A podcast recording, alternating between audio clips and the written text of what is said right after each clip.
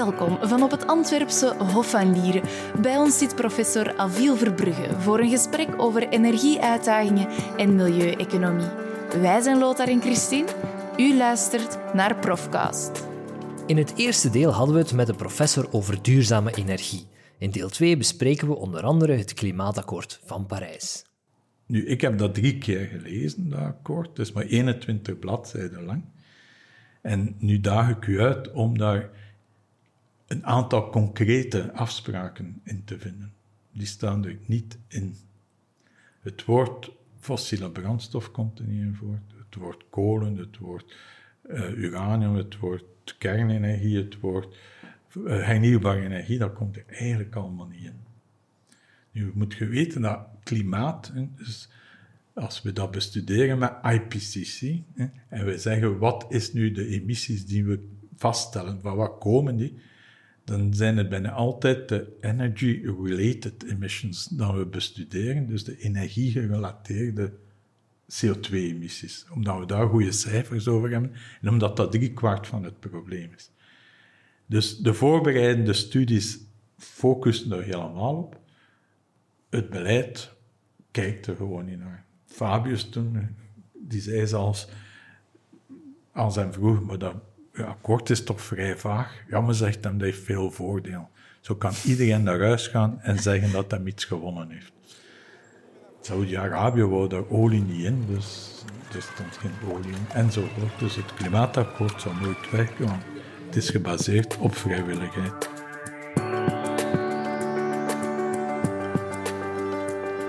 Veel Verbrugge vindt het dus belangrijk om een probleem met de juiste, heldere woorden te benoemen.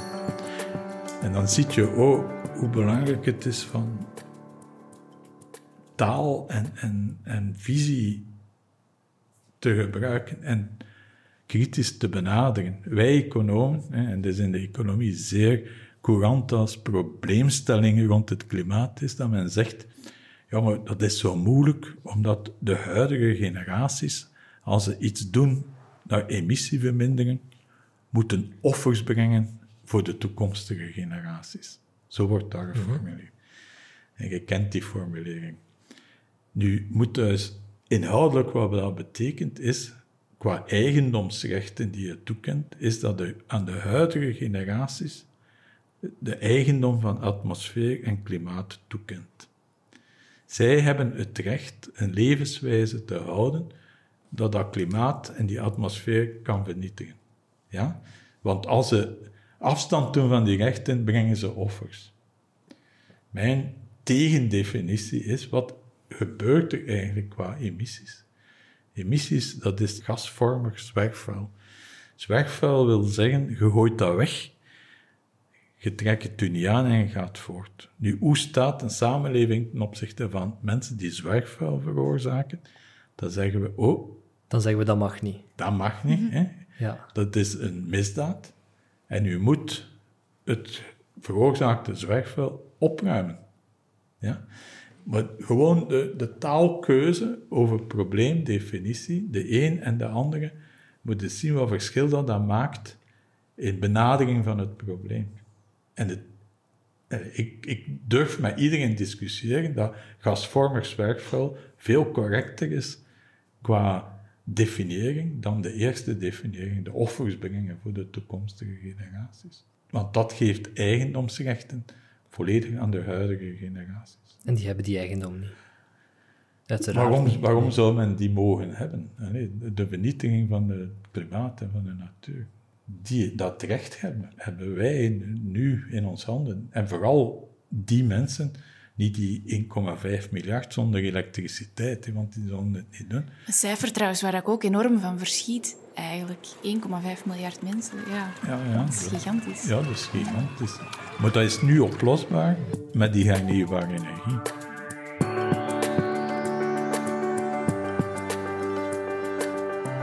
Hoewel andere economen het vaak de hemel inprijzen, is Avil Verbrugge kritisch voor het Europese emissiehandelssysteem.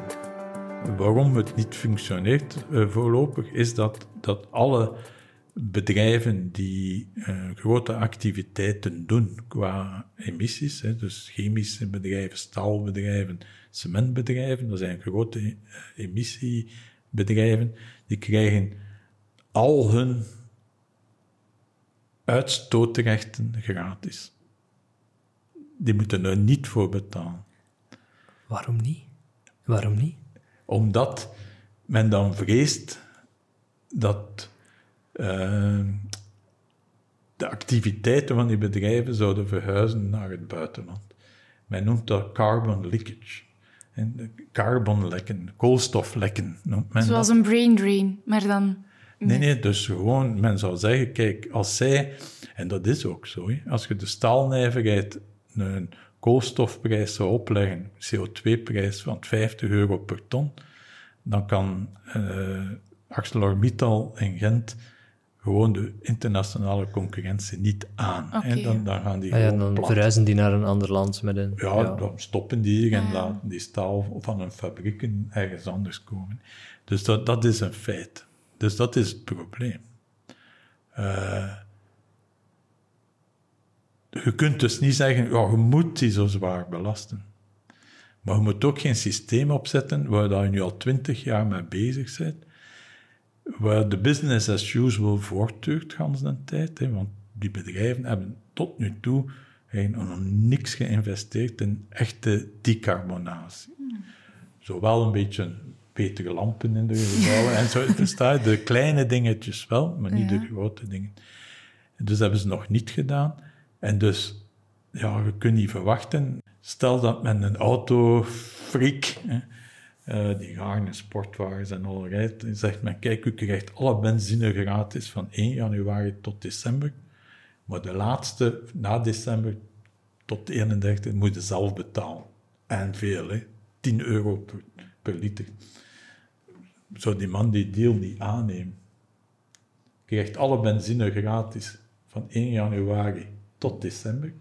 Je moet alleen uw benzine betalen van de laatste week van het jaar. Dat is wat men doet met die grote bedrijven. Ze krijgen alle rechten gratis. Maar als aan de franje er een beetje te weinig zou zijn, moet men ze betalen. Maar dikwijls hebben ze over en dan kunnen ze ze verkopen aan de elektriciteitsmaatschappij. Elektriciteitsmaatschappijen moeten ze wel kopen, maar daar weet men van, die hebben de technologische oplossingen nu in handen om te gaan naar no carbon. Naar no carbon. En zij zullen de komende tien jaar dat stelselmatig doen en zo de reductiecijfers van het emissiehandelssysteem respecteren.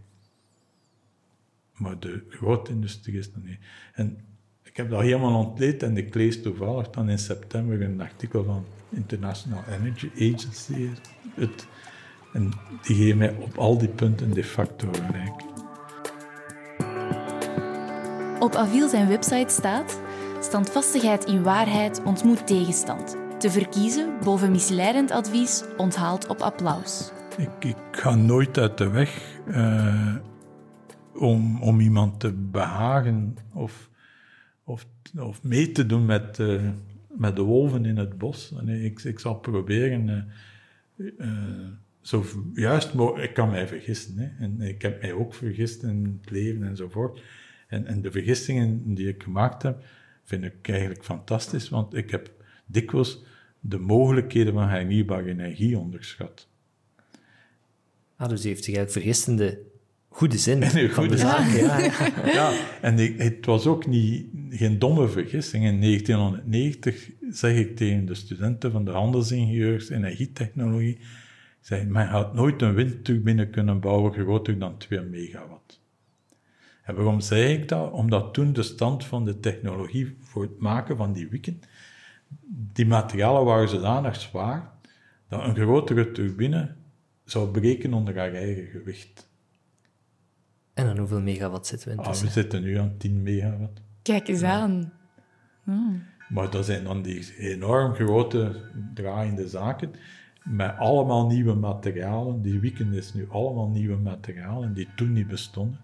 En die heel sterk zijn, maar ook heel licht, zodanig dat men die kan laten functioneren. Dus af en toe heb ik inderdaad mij vergist. Dat is zo, iedereen vergist. Maar we moeten ook durven napassen. Bijvoorbeeld, eh, ik heb ooit een zeer efficiënte woning gezet eh, in de jaren 90. Een, een huis dat nu nog altijd voldoet aan de normen van Europa voor de jaren 2020. Hè. Dus dat was een soort passief huis. Maar dat was toen met de technieken die er toen waren. En wij waren toen felle tegenstanders van elektrisch verwarming. Waarom? We zeggen dat is onzin. U gaat eerst brandstoffen verbranden om elektriciteit te maken, dan die elektriciteit terug in warmte omzetten. En Hans dat rendement, als je dat uitrekent van zo'n kolencentrale, dat is het 40% omzettingsrendement. En dan dat trans, komt je eigenlijk op een rendement van 10%. Dan kan je beter gas thuis aan een rendement van 90% verbranden. En dat was wat de filosofie. Maar ik heb een ontwerp van een woning gemaakt twee, drie jaar geleden. Dat was alles op elektriciteit, niks anders. Dus ook verwarmen. Aha. Omdat de technologie is nu zodanig ontwikkeld dat dat mogelijk is. Plus dat al die elektriciteit uit hernieuwbare moet komen. Ja, ik heb ook altijd onthouden dat elektrisch verwarmen slecht voor het milieu zou zijn. Ja, maar, dat is voorbij. Dat is dus voorbij. Ja, ja. ja. Dus, allee, dus je moet durven zeggen, ja, wat ik toen zei, was, was, is nu niet meer juist. Allee, ja, de wereld verandert.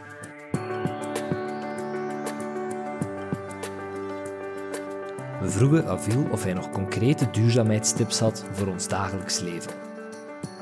Je kunt dat op twee manieren en ik kan natuurlijk hier, uh, en ik ben er niet de beste meer in, u allerhande tips geven over uh, uh, minder energie gebruiken, duurzamer leven, minder vlees eten enzovoort.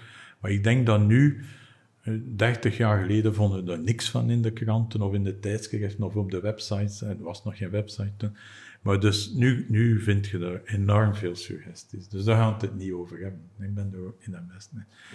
Uw vraag is voor mij een beetje een aanleiding om te zeggen, wat kunnen wij doen, wij als jonge academici, die um, ons gaan ontwikkelen. Wat ik zou zeggen, de Hanse werkelijkheid, hè, wij gaan van periode 2 naar periode 3. Dat is een omkering dat is niet zo'n flauwe bocht van we zullen het wel halen. Nee, dat is een omkering van 180 graden. Onder, nu, moet u dat inbeelden, een omkering van 180 graden, dat is niet eenvoudig. Hè? Dat is dus, waar je allemaal gewoon geweest zijt, moet je als het ware afleren. En ik denk dat, en je ziet dat alle fundamentele veranderingen in de samenleving, ik verwijs dikwijls naar de opkomst van de, het christendom in het Romeinse Rijk, binnen in het Romeinse Rijk, waar de christenen die een plaats aanvaard hebben in het Pantheon, nooit iets betekend hebben. Alleen de christenen die niet in het Pantheon stonden, die hebben een toekomst gemaakt. Ik weet niet of je dat weet. Nee. Dus, en wat was die toekomst? Uiteindelijk was dat de ideologie van de slaven die zich ontwikkelden en het Romeinse Rijk van binnenuit overnamen. Dat is er gebeurd, de facto. Maar alles is daar ook geherformuleerd, herdacht. Het symbool van het Romeinse Rijk was de arend. En iets dat uit de lucht viel, doodde wat het wou, en dat was toen zo. En ze hebben dat vervangen door het kruis. Het kruis, het symbool dat de slaaf op gekruisigd werd, gemarteld. Alleen moet je dat eens zien. Het is een totaal 180 graden andere vorm van denken. En dus er zijn Iedereen in een samenleving die de toekomst maakte, was bezig met alles aan te passen dat nodig was om het nieuwe tijdperk in te gaan. En dat is nu ook zo. Het denken bijvoorbeeld, de taal waarin dat we spreken, dan moeten we altijd overwegen, is dat de taal die bevestigt wat voorbij is, of is dat de juiste taal die de toekomst voorbereidt? En de jonge mensen en de luisteraars moeten de taal gebruiken die de toekomst voorbereidt. ze moeten ze ontwikkelen, de taalkundigen. De lawworks en de, de rechtsgeleerden die moeten proberen de wetten te evalueren en aan te passen. De economen moeten de markt terug in ere herstellen, want nu is het wel neoliberalisme en men heeft enorm veel marktfetischisme. Altijd de markt, de markt, maar het heeft nog heel weinig te maken met echt markteconomie. Als je kijkt naar die enorme techbedrijven, gelijk Apple en, en Google, en, dat zijn spionagebedrijven bijna. Dat zijn geen competitieve bedrijven. Die doen alles om competitie te vernietigen. Dus eigenlijk zijn er veel dingen die moeten rechtgezet worden en veranderd worden.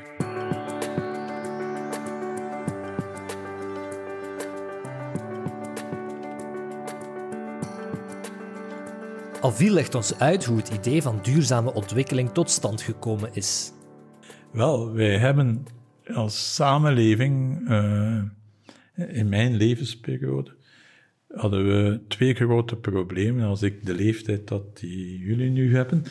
En dat was de ongelijke ontwikkeling op wereldvlak. Dus het, de, de uiteengroeien van ontwikkelingslanden en rijke landen. En dat was de opkomende milieuproblemen. We hebben dat maar gezien op het einde van de jaren 60, begin de jaren 70, dat die enorme welvaartsgroei die wij hadden ook veel milieuproblemen bracht.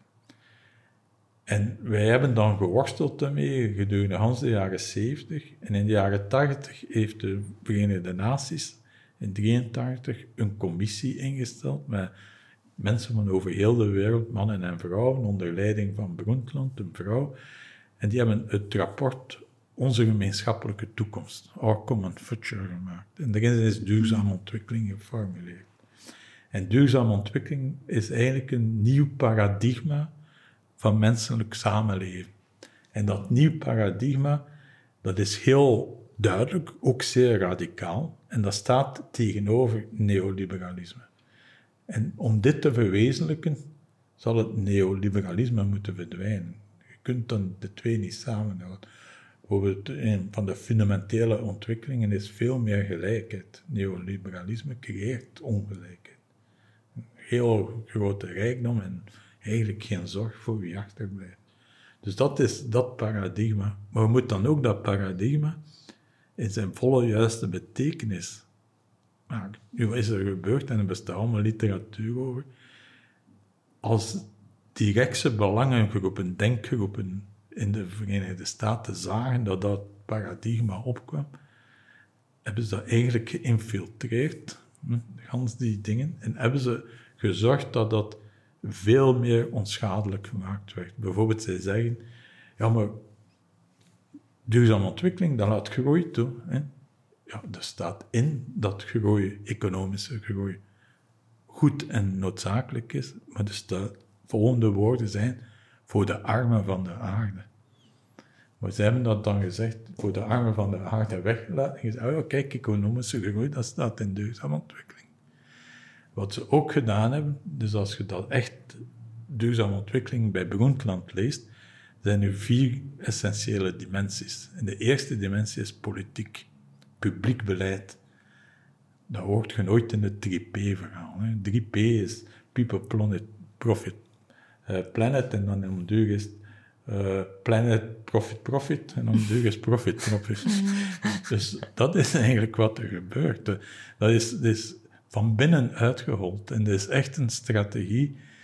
Ik ben nu wat meer politieke filosofie aan het lezen, die al is aangekondigd uh, en die eigenlijk maar volledig uitgewerkt is door, door Wallin. Wallin is Princeton University, heeft daar een boek over geschreven. Hoe, hoe dat men uh, totalitair denken eigenlijk is niet meer van een grootschalige uh, beweging van bovenaf die alles onder controle houdt, gelijk die van de oorlog voor de oorlog, het nazisme. Maar totalitair is nu dat men alles uitholt, iedereen individualiseert en op die manier eigenlijk isoleert en monddood maakt. Dus, dus de, hij noemt het de inverted totalitarisme. Dus het omgekeerde. En dat is, dat is wat er ook echt gebeurt.